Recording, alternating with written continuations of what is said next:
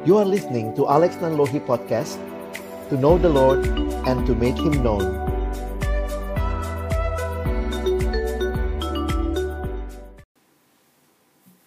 Mari kita berdoa sebelum kita membaca merenungkan firman Tuhan.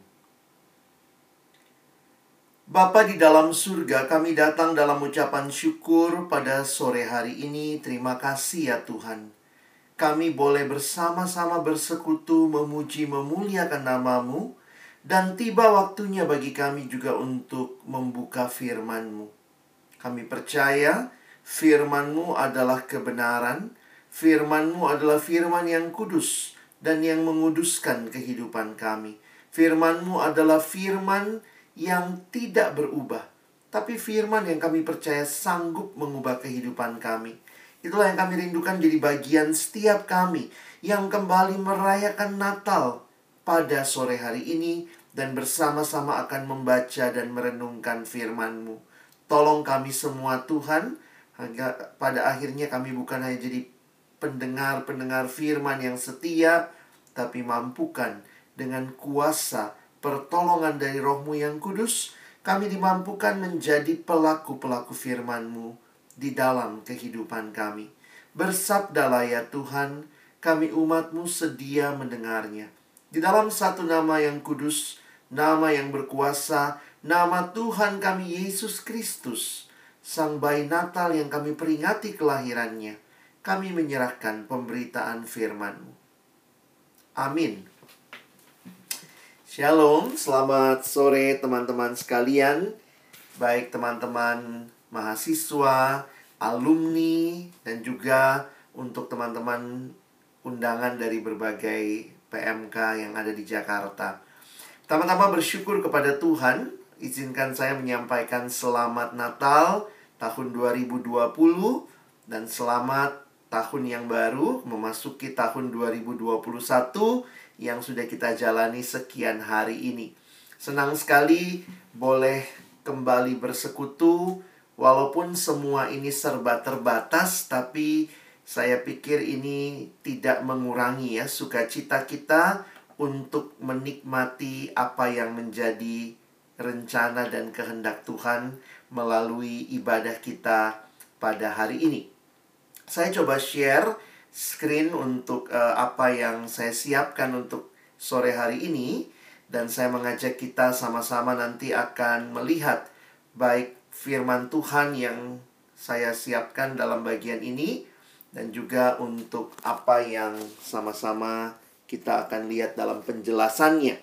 Teman-teman yang dikasihi Tuhan, merayakan Natal di tengah situasi pandemi seperti ini membuat kita jadi sadar betul bahwa selama ini mungkin begitu banyak hal yang ada di sekitar Natal. Ketika harus merayakan dengan situasi seperti ini, ada banyak hal yang dipotong ya. Ini nggak usah, ini nggak usah gitu ya. Akhirnya muncul pertanyaan ini ya buat saya hal apa sih yang biasanya orang ingat pada waktu Natal selama ini mungkin kalau offline yang orang ingat adalah itu ya harus ada pohon Natal ada center class begitu ya ada hadiah ada kue-kue Natal tapi kalau kita ingat kembali pandemi ini membuat kita jadi mengerti lebih dalam ya memaknainya Natal itu artinya apa apa yang paling penting dalam Natal? Natal sendiri artinya lahir dari bahasa Latin. Nah, siapa yang lahir pada waktu Natal itu juga penting karena itulah pusat perayaan Natal kita. Natal bukanlah hari lahirnya Santa Claus, Frosty the Snowman, bukan ya.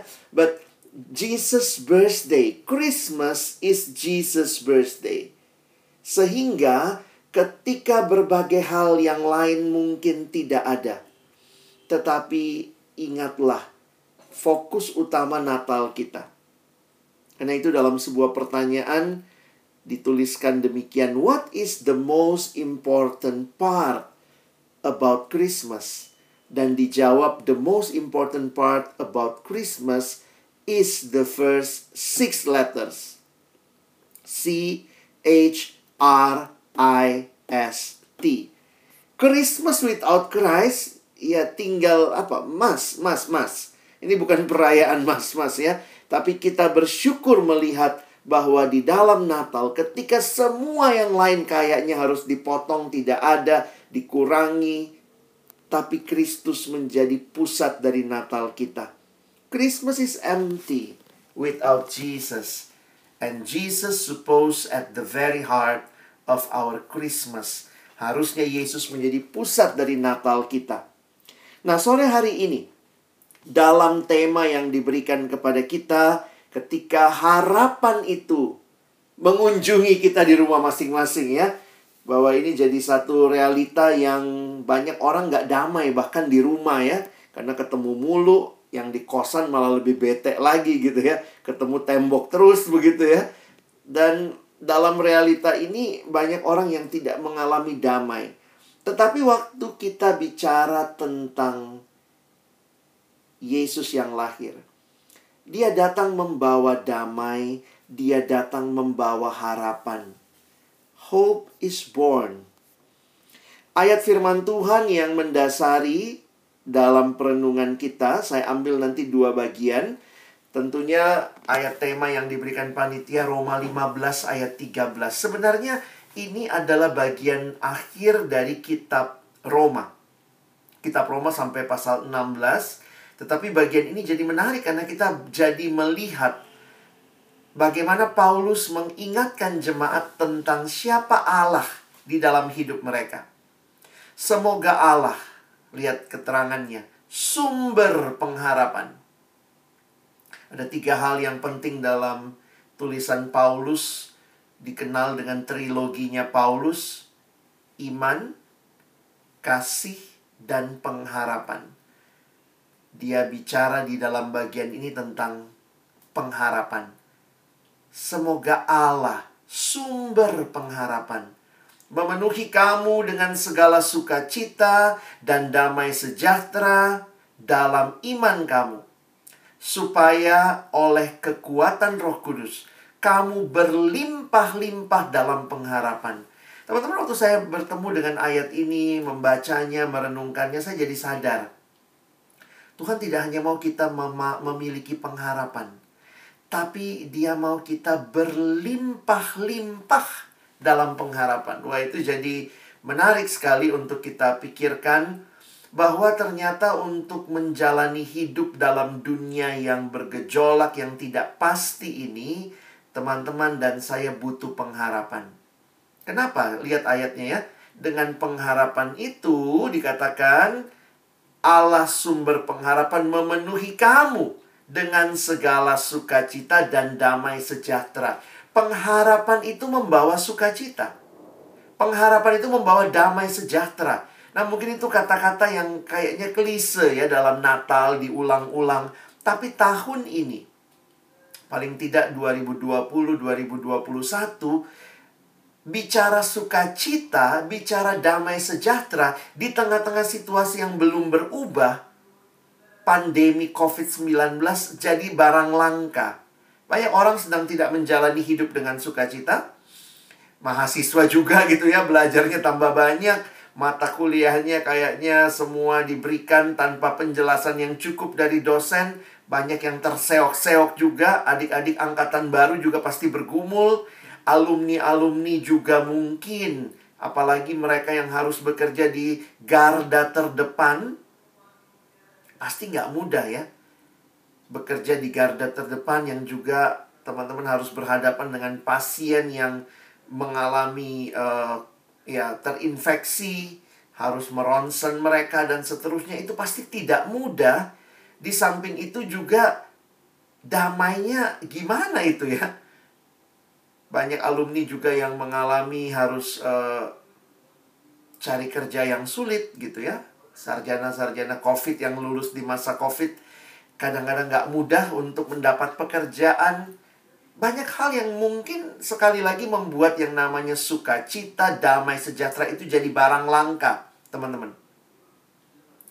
Tapi ayat ini membuat saya mengerti bahwa hanya Allah sumber pengharapan, dan pengharapan itu dia rindu kita alami berlimpah-limpah supaya dengan begitu kita bisa menjalani hidup di tengah berbagai pergumulan tetap sukacita, tetap damai sejahtera. Nah, ini yang sama-sama kita mau coba pikirkan lebih jauh. Nah, apa yang menarik yang saya ingin kita pelajari sore hari ini adalah sebuah realita yang terjadi juga ketika ayat yang tadi dibacakan oleh MC ya. Bangsa yang berjalan dalam kegelapan telah melihat terang yang besar. Mereka yang diam di negeri kekelaman atasnya terang telah bersinar. Kalau teman-teman perhatikan ayat ini, maka harus ingat ini kan ayat yang biasanya dikutip pada waktu Natal karena kita meyakini inilah yang digenapkan melalui kehadiran Yesus sebagai bayi Natal. Tapi jangan lupa ada bagian sebelumnya ya. Nanti kalau kita perhatikan ayat ini kan sebenarnya adalah nubuat yang disampaikan Yesaya kurang lebih 700 tahun sebelum Yesus lahir. Nah, sering kali kita langsung baca ayat pertama Yesaya 9 ayat 1, kita lupa ada konteks apa di balik ayat ini. Nanti teman-teman bisa perhatikan kalau punya Alkitab cetak masa mungkin lebih baik bisa melihat urutannya. Jadi sebelum Yesaya 9 ayat 1, nah ini yang saya mau angkat buat kita sore hari ini, itu ayatnya Yesaya 8 ayat 19 sampai 23. Yesaya pasal 8 itu cuma sampai ayat 23. Jadi habis Yesaya 8 ayat 23 langsung pasal 9 ayat 1. Ini yang sering kali kita ngertinya Yesaya 9 ayat 1, kita nggak tahu ada apa di bagian sebelumnya. Apa sih yang terjadi? Nah, kita baca sama-sama. Apa itu Yesaya 8 ayat 19 sampai 23? Abang sudah tulis semua ayatnya di screen, jadi teman-teman tinggal mengikuti. Nanti kalau kalian mau cross check dengan Alkitabmu silahkan ya. Saya bacakan buat kita. Dan apabila orang berkata kepada kamu, mintalah petunjuk kepada arwah dan roh-roh peramal yang berbisik-bisik dan komat kamit, maka jawablah, bukankah suatu bangsa patut meminta petunjuk kepada Allahnya? Atau haruskah mereka meminta petunjuk kepada orang-orang mati bagi orang-orang hidup? Carilah pengajaran dan kesaksian. Siapa yang tidak berbicara sesuai dengan perkataan itu, maka baginya tidak terbit fajar. Mereka akan lalu lalang di negeri itu, melarat dan lapar, dan apabila mereka lapar, mereka akan gusar dan akan mengutuk rajanya dan Allahnya. Mereka akan menengadah ke langit dan akan melihat ke bumi. Dan sesungguhnya hanya kesesakan dan kegelapan, kesuraman yang menghimpit, dan mereka akan dibuang ke dalam kabut. Tetapi tidak selamanya akan ada kesuraman untuk negeri yang terimpit itu. Ya, tidak akan ada selamanya kesuraman untuk negeri yang terimpit itu kalau dahulu Tuhan merendahkan tanah Sebulon dan tanah Naftali. Maka di kemudian hari ia akan memuliakan jalan ke laut, daerah seberang sungai Yordan dan wilayah bangsa-bangsa lain. Perhatikan emosinya bahwa sebelum pasal 9 ayat 1 itu gambarannya gelap, teman-teman. Gelap, suram, itu yang ditulis di ayat 22 ya ketutupan kabut begitu ya. Dan ayat 23 bahkan mengatakan tidak selamanya ada kesuraman. Barulah ayat pasal 9 ayat 1. Di tengah-tengah kesuraman itu dikatakan bangsa yang berjalan di dalam kegelapan telah melihat terang yang besar. Makanya kalau langsung ke pasal 9 ayat 1 kita nggak tahu ada apa sebelumnya. Kenapa tiba-tiba datang melihat terang yang besar? Emangnya mereka lagi kenapa? Oh, ini ternyata realita yang mereka alami. Mereka sedang berjalan di dalam kegelapan. Teman-teman, apa yang terjadi? Mungkin kalau kalian nanti mau mempelajari konteksnya, pada waktu itu abang cerita saja ya, bahwa kerajaan Yehuda itulah umat Allah. Kerajaan Yehuda ini mau diserang oleh koalisi dua kerajaan, yaitu kerajaan uh, Aram dan kerajaan Israel. Jadi pada waktu itu ceritanya umat Allah sedang mau diserang oleh koalisi. Ada dua kerajaan bersatu mau menyerang kerajaan Yehuda. Yehuda itulah umat Allah. Nah, pada waktu itu Raja Yehuda yang namanya Raja Ahas. Nah, ini. Kalau lihat konteksnya ya. Raja Ahas ini, Raja Yehuda yang ketakutan karena mau diserang, tidak tahu cara lain untuk selamat kecuali dia minta tolong kepada kerajaan yang waktu itu lagi naik daun, pamornya lagi naik, yaitu kerajaan Asyur. Jadi, akhirnya mereka minta ke pertolongan kepada kerajaan Asyur.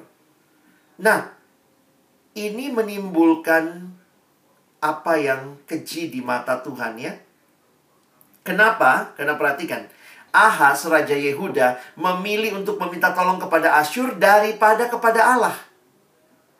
Tindakan Yehuda berlindung pada Asyur, ini yang mau disampaikan ini sia-sia. Jadi kalau kalian mengerti konteksnya, pada waktu itu Nabi Yesaya diutus. Ngapain dia diutus? Peringatin Ahas. Ya, Nabi Yesaya diutus Tuhan untuk memberitahukan agar Raja Ahas tidak minta bantuan kepada Asyur. Ahas harus mengingat bahwa perbuatannya meminta bantuan kepada kerajaan Asyur hanya akan membawa kehancuran bagi kerajaan Yehuda. Jadi ini ada masalah harapan di sini ya. Mana harapan yang paling logis? Mungkin kalau bicara Tuhan, mana nggak kelihatan. Ah, ini ada kerajaan yang lagi naik daun. Kerajaan yang lagi powerful-powerfulnya waktu itu. Namanya kerajaan Asyur. Itu yang sebelah kanan lingkaran merah itu. Sementara kerajaan Yehuda, umat Allah tuh ada di sebelah kiri, bawah ya, yang lingkaran merah. Mereka minta bantuan kepada kerajaan Asyur. Dan Tuhan mau bilang apa? Berharap pada manusia adalah sia-sia. Tindakan Yehuda berlindung pada Asyur dari ancaman dua kerajaan yang mau nyerang dia ya, Israel dan Aram, itu disamakan dengan menolak aliran sungai Allah yang memberi keselamatan. Nanti teman-teman bisa baca di Yesaya 8 bagian awalnya lagi ya. Akibatnya, malah Asyur ini malah akan jadi gelombang yang menenggelamkan Yehuda. Jadi Tuhan memberikan gambaran kalau kamu minta tolong sama mereka, jangan pikir mereka nolong, mereka pun nanti akan menenggelamkan kamu. Dan itulah gambaran yang diberikan. Jadi kalau teman-teman memperhatikan situasinya apa yang terjadi, pada masa itu Raja Ahas pun tidak tahu bagaimana dia harus meminta bantuan. Dia ada dalam situasi yang tanpa pengharapan. Nah, Abang ingin kita mengerti hari ini, inilah kondisi, bukan cuma kondisi Ahas sebenarnya, tapi ini juga kondisi manusia sepanjang zaman. Sekarang ini pun kita juga mengerti ya, inilah kondisi dunia yang dari dulu sampai sekarang itu sebenarnya dunia yang tanda kutip tanpa pengharapan. Kenapa saya kasih tanda kutip kata tanpa? Karena dalam perenungan, sebenarnya begini teman-teman ya. Apakah benar manusia itu tanpa pengharapan? Apakah Ahas tanpa pengharapan? Sebenarnya kalau kita perhatikan, manusia itu adalah makhluk yang berpengharapan. Nah, ini filosofis ya.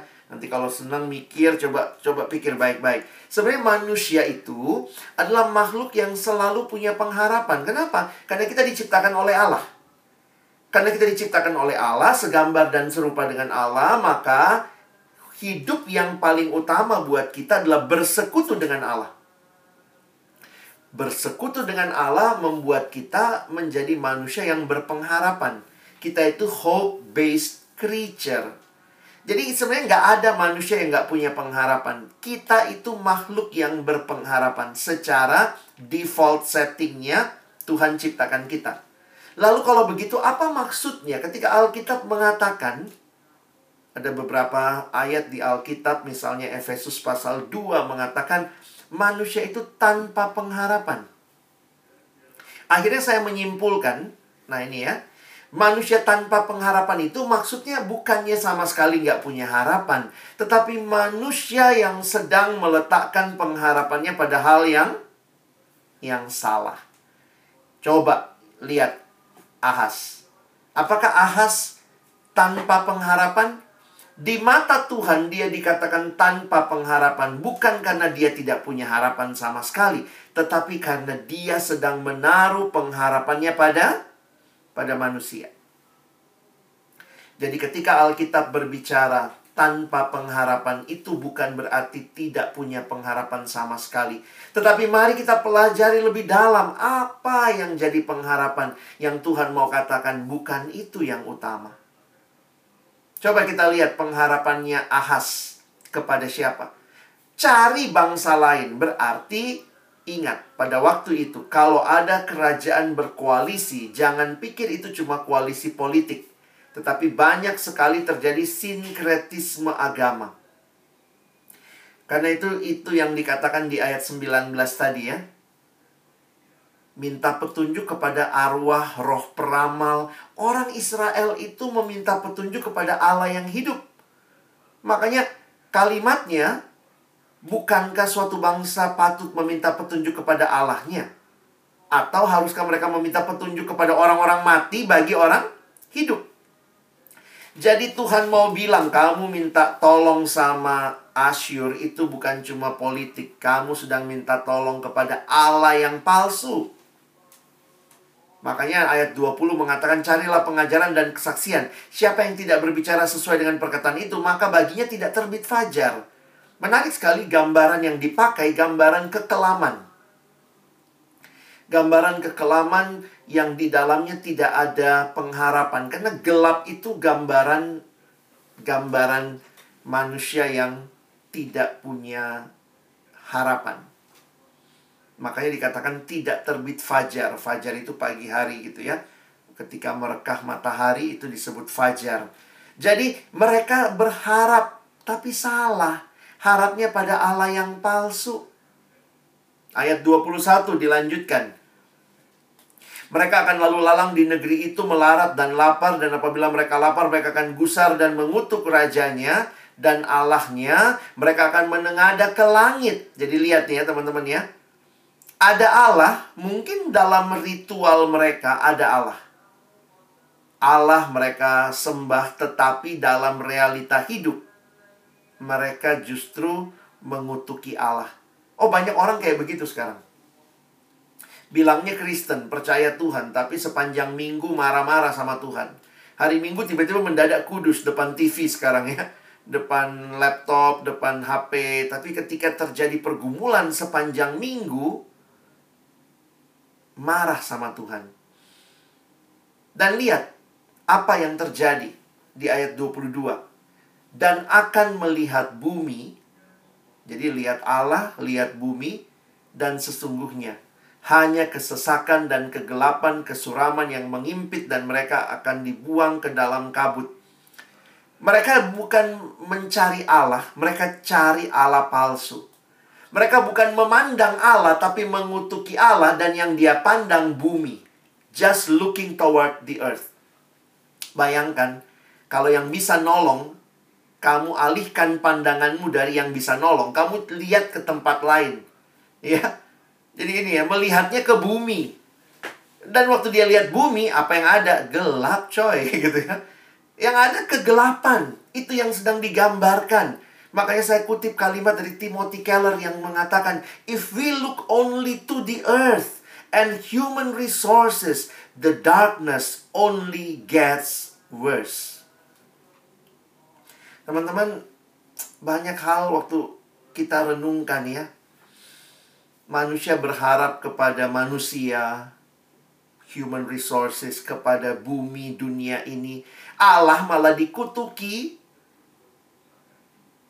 kita nggak benar-benar cari dia, ini membuat kita menyadari ya, bahwa dunia nggak bisa kasih apa-apa sama kita. Our true hope is not from creation, but from creator. Ingat betul. Our true hope is not from creation, but from creator. Manusia selalu lupa diri bahwa dia bukan Allah. We are not God. You are not God. Saya pikir situasi seperti ini ya, banyak orang yang mungkin sangat berharap, apalagi kalau lihat sekarang rumah sakit lagi penuh sekali. Ya, kita berharapnya dalam realita ini ya kepada dokter, kepada rumah sakit untuk memberikan. Jadi memang kita menyadari ya orang butuh sekali pengharapan begitu ya. Tapi ingat, kita bukan Allah. Dan sejak kejatuhan manusia di dalam dosa, Kejadian pasal 3 sejak Adam dan Hawa.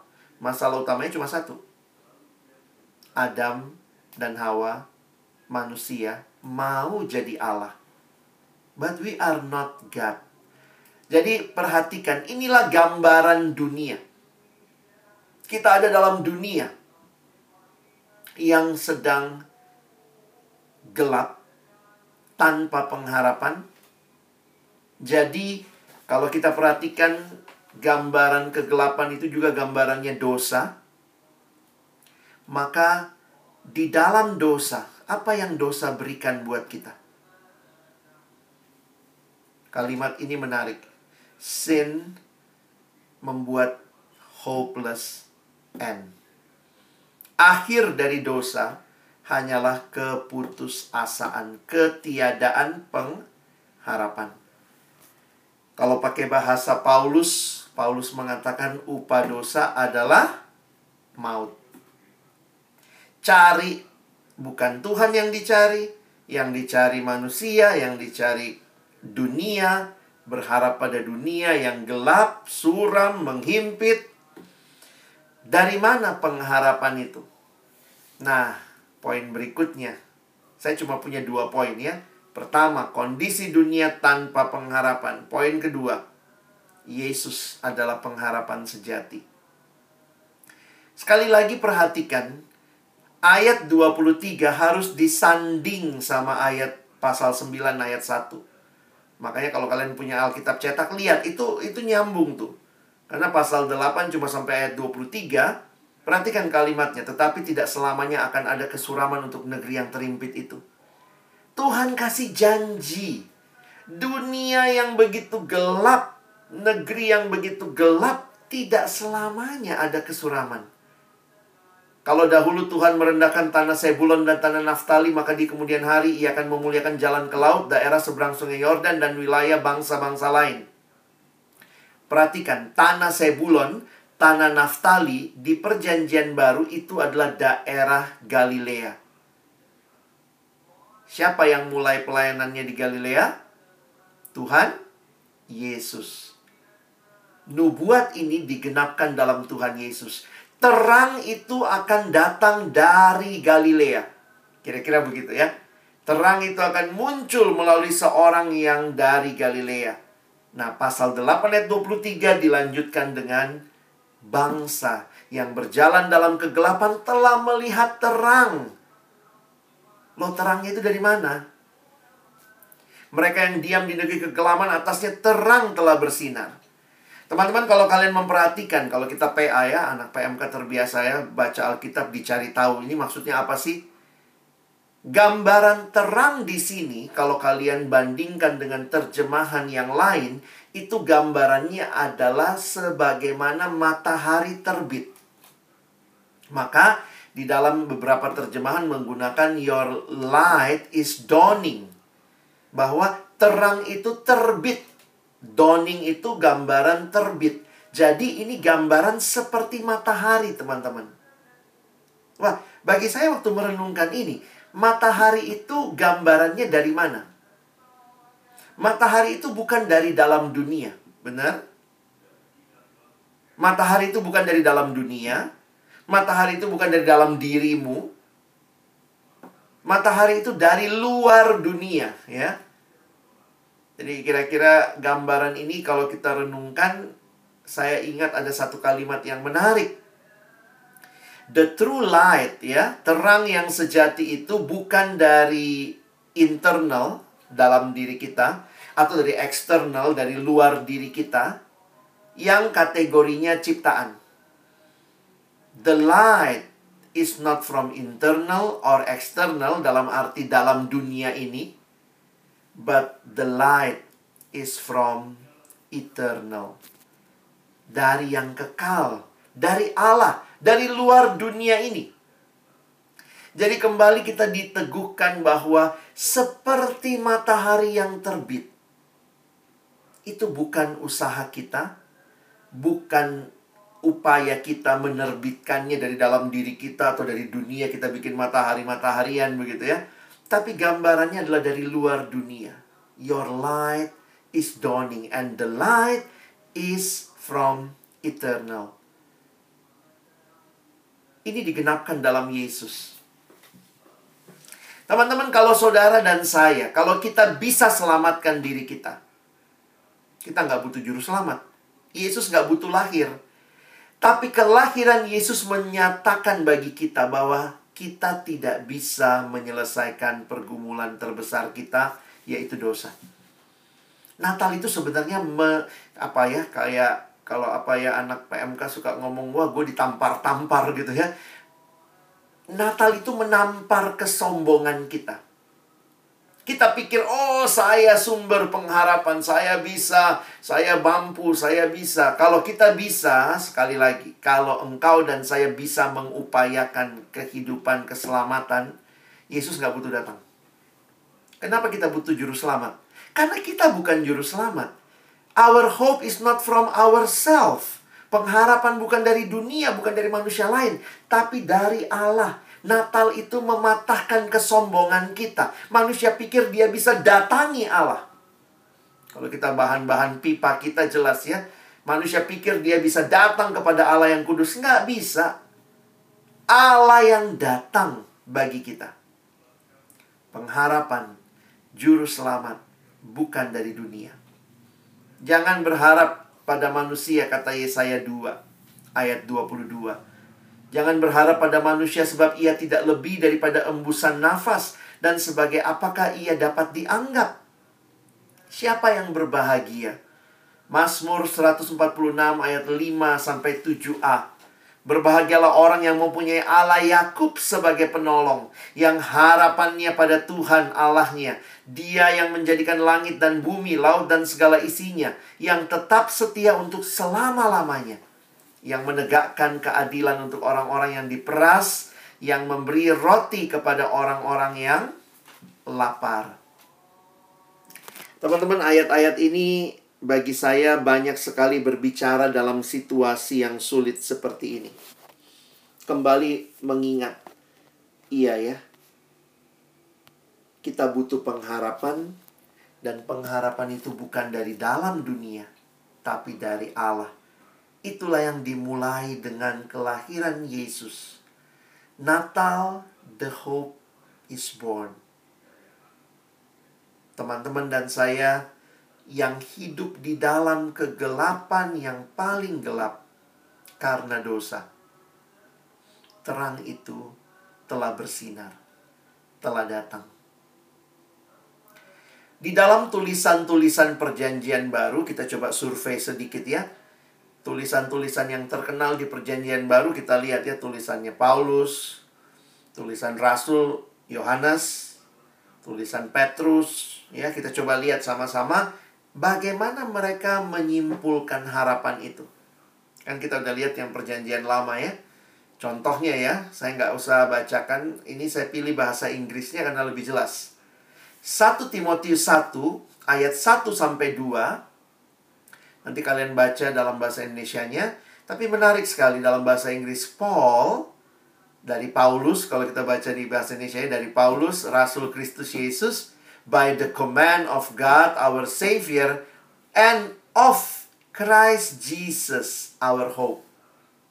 Masih ingat tadi ayat kita? Allah sumber pengharapan. Paulus lebih menegaskan lagi, Yesus Kristus dialah pengharapan kita. Kenapa? Karena Yesus adalah Allah yang jadi manusia. Christ Jesus our hope. Ini tulisan Paulus. Kita lihat tulisan Rasul Yohanes. Yohanes menulisnya begini. Setiap orang yang menaruh pengharapan itu kepadanya. Kepada siapa ini? Kepada Yesus. 1 Yohanes 3 ayat 3. Menyucikan diri sama seperti dia yang adalah suci. Siapa itu? Yesus. Kita tidak tahu siapa persisnya penulis kitab Ibrani. Tapi penulis kitab Ibrani dalam Ibrani 6 ayat 19-20 memberikan juga apa pengharapan itu. Dia mengatakan pengharapan itu adalah sauh yang kuat. Teman-teman kata sauh itu artinya jangkar. Makanya banyak yang menggunakan istilah Jesus is the anchor. Ya, pengharapan itu adalah sauh yang kuat dan aman bagi jiwa kita. Jesus is the anchor of our soul. Yang telah dilabuhkan sampai ke belakang tabir di mana Yesus jadi pengharapan itu Yesus telah masuk sebagai perintis bagi kita ketika ia menurut peraturan Melkisedek menjadi imam besar sampai selama-lamanya. Jadi sebenarnya penulis Ibrani mau bilang apa? Eh, Jesus is our hope. Jadi ditegaskan ya. Siapa lagi yang mesti kita dengar? Petrus, ya kita lihat Petrus. Petrus di 1 Petrus 1 ayat 3. Blessed be the God and Father of our Lord Jesus Christ. Ya, lalu kemudian kalimatnya He has caused us to be born again to a living hope. To a living hope through the resurrection of Jesus Christ from the dead. Abang mau jelaskan ayat ini sebentar. Ini indah sekali ya. Coba saya pilih bahasa Indonesianya. Saya kutip ayat 3 dan 4. Di dalam ucapan syukurnya kepada jemaat ini kalimatnya Petrus. 1 Petrus 1, 3 dan 4. Terpujilah Allah dan Bapa Tuhan kita Yesus Kristus yang karena rahmatnya yang besar telah melahirkan kita kembali oleh kebangkitan Yesus Kristus dari antara orang mati kepada suatu hidup yang penuh pengharapan. Untuk menerima suatu bagian yang tidak dapat binasa, yang tidak dapat cemar, dan yang tidak dapat layu yang tersimpan di sorga bagi kamu. Kita punya pengharapan akan kekekalan yang Tuhan sediakan bagi kita. Sebagaimana digambarkan di sorga, tidak binasa, tidak dapat cemar, tidak dapat layu. Nah, sekarang pertanyaannya, bagaimana mengalami itu? Kok bisa ya kita punya pengharapan seperti itu? Lihat kuncinya. Ayat yang ketiga. Kita terima hidup yang penuh pengharapan oleh kebangkitan Yesus dari antara orang mati. Kenapa kebangkitan Yesus menjadi titik di mana kita punya pengharapan yang kekal? Sebenarnya, kisah hidup manusia sejauh yang kita pahami adalah lahir, hidup, mati. Itu aja kan kisah hidup manusia. Lahir, hidup, mati. Jadi sebenarnya di dalam realita hidup, apalagi setelah jatuh dalam dosa ya lahir, hidup, mati, binasa lagi. Tetapi waktu Yesus bangkit, dia memberikan kehidupan yang baru. Bahwa cerita hidup orang yang percaya pada Yesus bukan lahir, hidup, mati. Bukan. Tetapi lahir, hidup, mati, bangkit. Makanya Paulus berkata di 1 Korintus, karena Yesus bangkit, kita pun bangkit. Sebab dia hidup, ada hari esok. Teman-teman, kehidupan kita yang percaya tidak berakhir di kematian kekal. Tapi karena Yesus bangkit, maka cerita hidup kita seperti kisah Yesus lahir, hidup, mati, bangkit. Makanya kita bangkit karena Yesus bangkit. Dan karena kita bangkit, maka kita punya pengharapan bahwa kematian bukanlah hal terakhir. Saya kutip kalimat ini sebagai penutup. We have a living hope Why? Because we have a living Savior. Kita punya pengharapan yang hidup, bahasanya Petrus tadi. Kenapa? Karena kita punya juru selamat yang hidup. Teman-teman, kita pasti punya pengharapan. Karena itu dijamin dilakukan oleh Yesus. Semua agama mungkin menawarkan pengharapan, tapi belum pernah ada pendiri agamanya yang bangkit. Jadi pengharapannya masih mudah-mudahan dan belum tentu terjadi. Tapi kenapa kekristenan lebih pasti? Karena pendirinya, Tuhannya, Yesus. Dia bukan hanya datang jadi manusia dan mati, tapi dia bangkit memberikan keselamatan buat kita. Teman-teman kalau punya pengharapan kayak gini, ya saya harus katakan ini kekuatan kita untuk bertahan hidup dalam sukacita dan damai sejahtera. Karena kita tahu meskipun dalam dunia kita menderita, banyak orang yang terdampak dengan COVID. Saya punya beberapa teman, keluarganya, dan ada juga keluarga kami yang harus meregang nyawa, meninggal dunia karena COVID, dan itu sangat menyedihkan. Tapi ada pengharapan di dalam Tuhan bahwa cerita hidup mereka yang percaya tidak berakhir di kematian. COVID ini sudah begitu mengerikan, teman-teman. Merenggut sampai nyawa, hal yang begitu berharga. COVID yang awalnya cuma masalah kesehatan, sekarang udah jadi apa? Jadi masalah sosial, masalah ekonomi, masalah politik, masalah studi, pendidikan harus belajar jarak jauh, masalah spiritual kita ibadah seperti ini. Teman-teman jujur ya, kita masuk 2021 kondisi mungkin belum banyak berubah. Maaf, saya bukannya pesimis, saya mau coba realistis. Karena realitanya nggak mudah melewati situasi ini. Mungkin kita masih satu tahun ke depan mengalami pergumulan seperti ini. Seorang teman dalam prediksi dia karena dia sering kali diminta dia membantu Pak Luhut untuk memberikan prediksi dia bilang ya sebenarnya logikanya kalau kita pikir-pikir saudara ya. Bayangkan kalau penduduk Indonesia 270 juta misalnya. Penduduk kita 270 juta lalu kemudian uh, divaksin gitu ya kalaupun kita punya kemampuan menvaksinasi satu hari satu juta orang itu aja kan butuh berapa hari? 200 hari, 270 hari, hampir setahun teman-teman.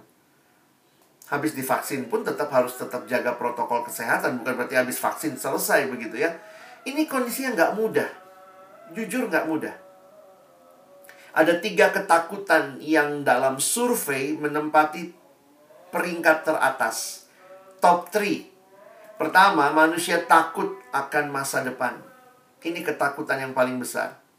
Yang kedua, manusia takut tentang sorry ya, manusia takut yang kedua, maaf slide saya saya nggak uh, ke kehapus ya. Yang kedua itu manusia takut dengan kegagalan. Fear of failure. Kita takut masa depan, kita takut kegagalan dan yang ketiga itu adalah ketakutan terhadap kesepian. Menarik ya? Ini generasi yang banyak medsosnya eksis di mana-mana tapi tetap aja kesepian. Jadi ketakutan-ketakutan ini bagaimana menghadapinya? Hidup itu tidak selamanya mudah. Bahkan kita mesti ingat Tuhan tidak pernah janji hidup yang mudah. Kadang-kadang orang berpikir, ah saya jadi anak Tuhan maunya hidup yang empang, enak dan gampang. Tidak ada pergumulan, tidak ada hidup seperti itu. Kalau kalian baca Alkitab dengan baik, Tuhan tidak pernah janji hidup tanpa pergumulan. Tuhan tidak pernah janji engkau tidak pernah mengalami kekecewaan. Lalu apa janji Tuhan dong? Ini janjinya.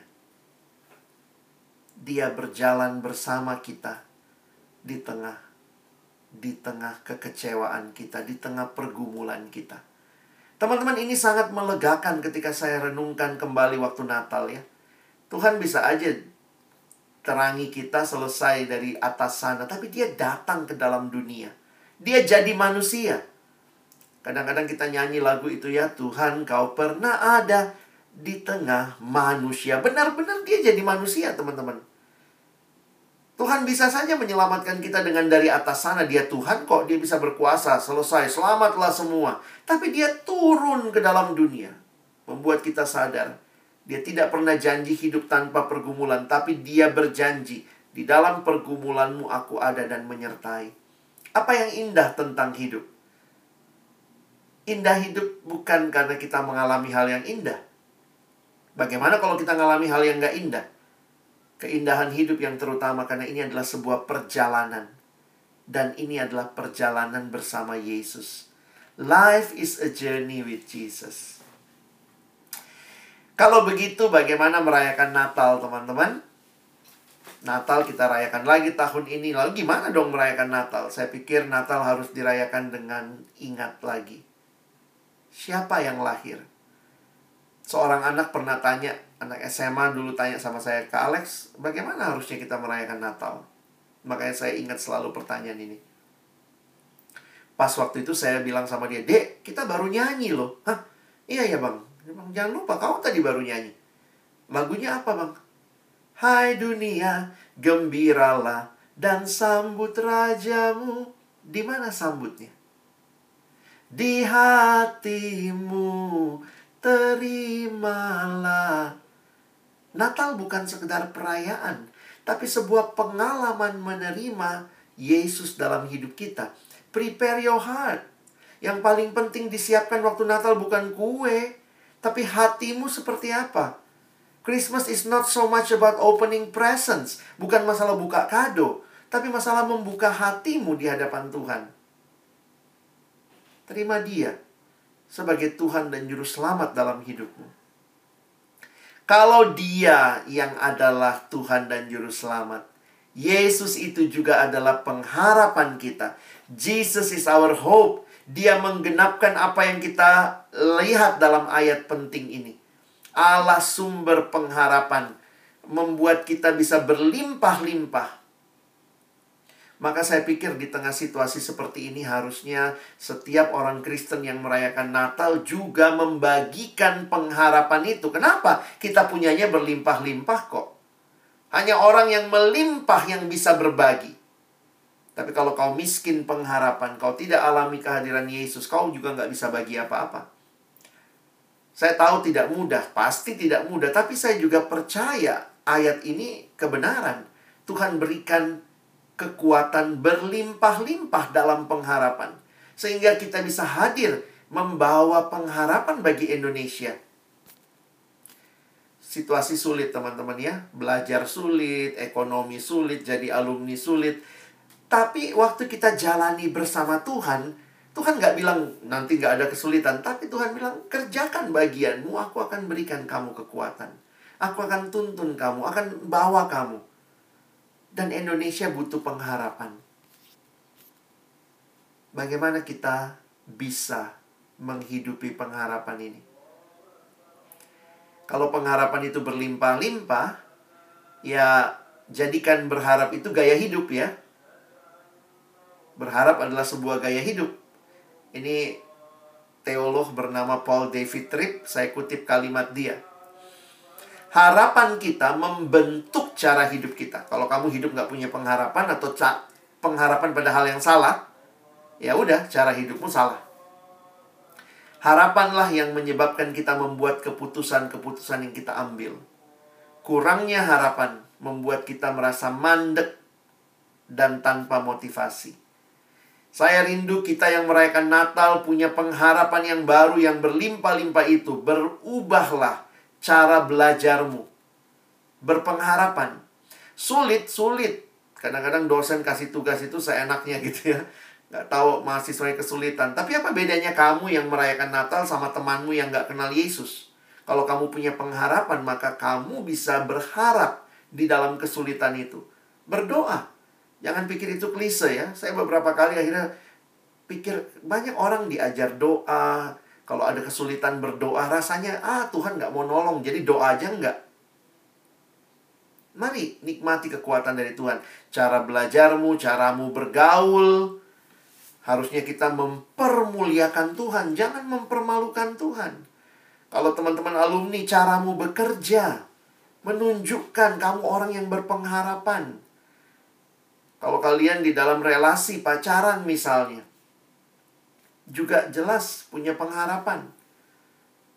Pacaran dengan kudus, true love waits. Ada kalimat kecil di bawah di Zoom tuh ya. Save it until marriage. Termasuk nanti dalam kehidupan berumah tangga. Milikilah pengharapan itu. Dan kalau kalian miliki pengharapan itu, bagikan. Beberapa alumni, eh, beberapa mahasiswa ya dari sebuah sekolah teologi yang bikin uh, ini juga. Karena pikir gimana membagikan pengharapan? Sejak pandemi ini mereka berpikir gimana membagikan pengharapan? Akhirnya mereka bikin Instagram mereka berbagi. Saya pikir iya menarik juga ya. Pakai medsosmu. Pakai berbagai platform yang ada. Membagikan pengharapan. Mengingatkan orang untuk tidak menyerah dalam pergumulan hidup tapi memandang kepada Tuhan. Ingat pesan Natal. Terang itu telah datang. Bangsa yang berjalan dalam kegelapan telah melihat terang yang besar. Maukah kita juga membawa mereka datang kepada sang terang itu? Kalau dosa membawa kepada hopeless end, maka saya tutup dengan kalimat yang indah dari Pastor Rick Warren. Jesus turns your hopeless end into endless hope. Yesus mengubah keputusasaan sebagai hal terakhir menjadi harapan yang tak berkesudahan. Inilah Natal. Biarlah teman-teman dan saya bukan hanya merayakannya, tapi mengalami Natal dan mengalami hidup yang berubah.